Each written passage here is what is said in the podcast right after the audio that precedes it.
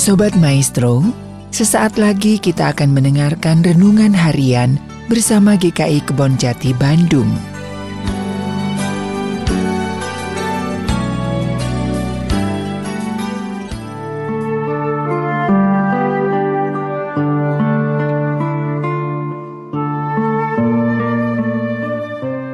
Selamat bertemu kembali dalam Renungan Harian GKI Kebon Jati.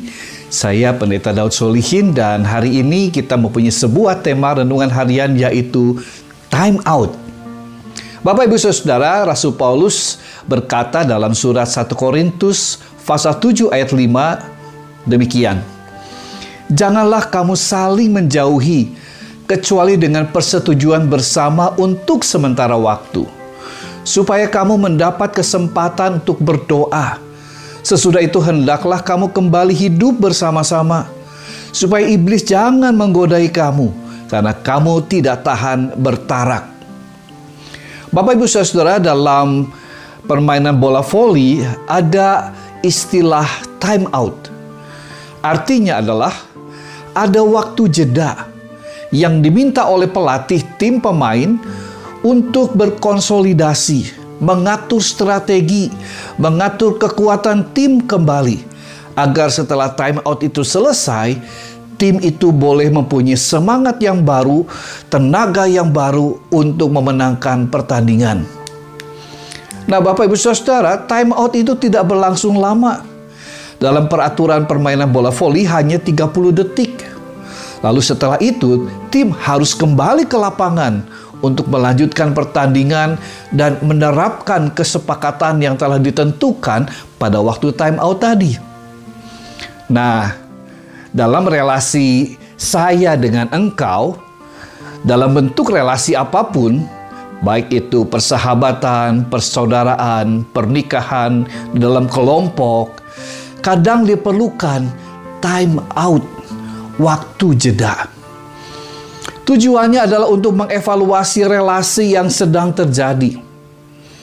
Time out bisa saja terjadi karena ada kesepakatan dua orang atau dua belah pihak yang melihat adanya gejala konflik. Ya. Jika komunikasi dan relasi dalam kondisi menuju konflik dilanjutkan, maka perlu waktu jeda atau time out tadi. Waktu ini dipandang sebagai waktu gencatan senjata agar konflik tidak meledak dan meluas ke mana-mana. Sehingga kesepakatan yang akan dibuat benar-benar berdasarkan pikiran dan hati nurani yang jernih. Apalagi kita sebagai anak-anak Tuhan. Waktu jeda diperlukan ketika sudah ada indikasi ke arah kekerasan, dalam bentuk perkataan maupun juga dalam bentuk perbuatan. Dan jika kekerasan sudah terjadi, maka relasi cukup sulit untuk dipulihkan dan dieratkan kembali. Nah, Bapak Ibu Saudara, di sisi lain Paulus juga mengingatkan bahwa waktu jeda itu harus diisi dengan berdoa. Ya. Bukan untuk merencanakan memikirkan sesuatu yang tidak benar atau jahat, tetapi waktu jeda ini harus retret untuk memulihkan, menjernihkan kembali hati nurani kita. Berkomunikasi dengan Tuhan di dalam doa. Waktu jeda tidak boleh lama-lama.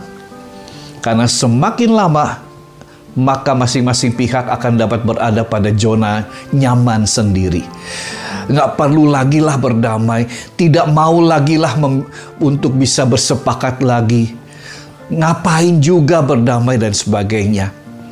Tidak memiliki dorongan untuk kembali merajut kebersamaan. Nah, dengan adanya keterbatasan dalam waktu jeda, maka masing-masing pihak diharapkan untuk membuat kesepakatan konstruktif yang didasarkan pada pendamaian. Mengapa pendamaian? Karena dalam perselisihan itu masing-masing pihak melibatkan Tuhan di dalam doa mereka. Juga kita yang sedang berselisih mau juga diajak ikut serta di dalam rencana Allah. Nah, pendamaian yang berasal dari Tuhan Yesus Kristus yang mendamaikan manusia juga dengan dirinya dan juga karena Tuhan. kita dimampukan untuk saling berdamai satu dengan yang lain. Tuhan memberkati kita semua. Amin.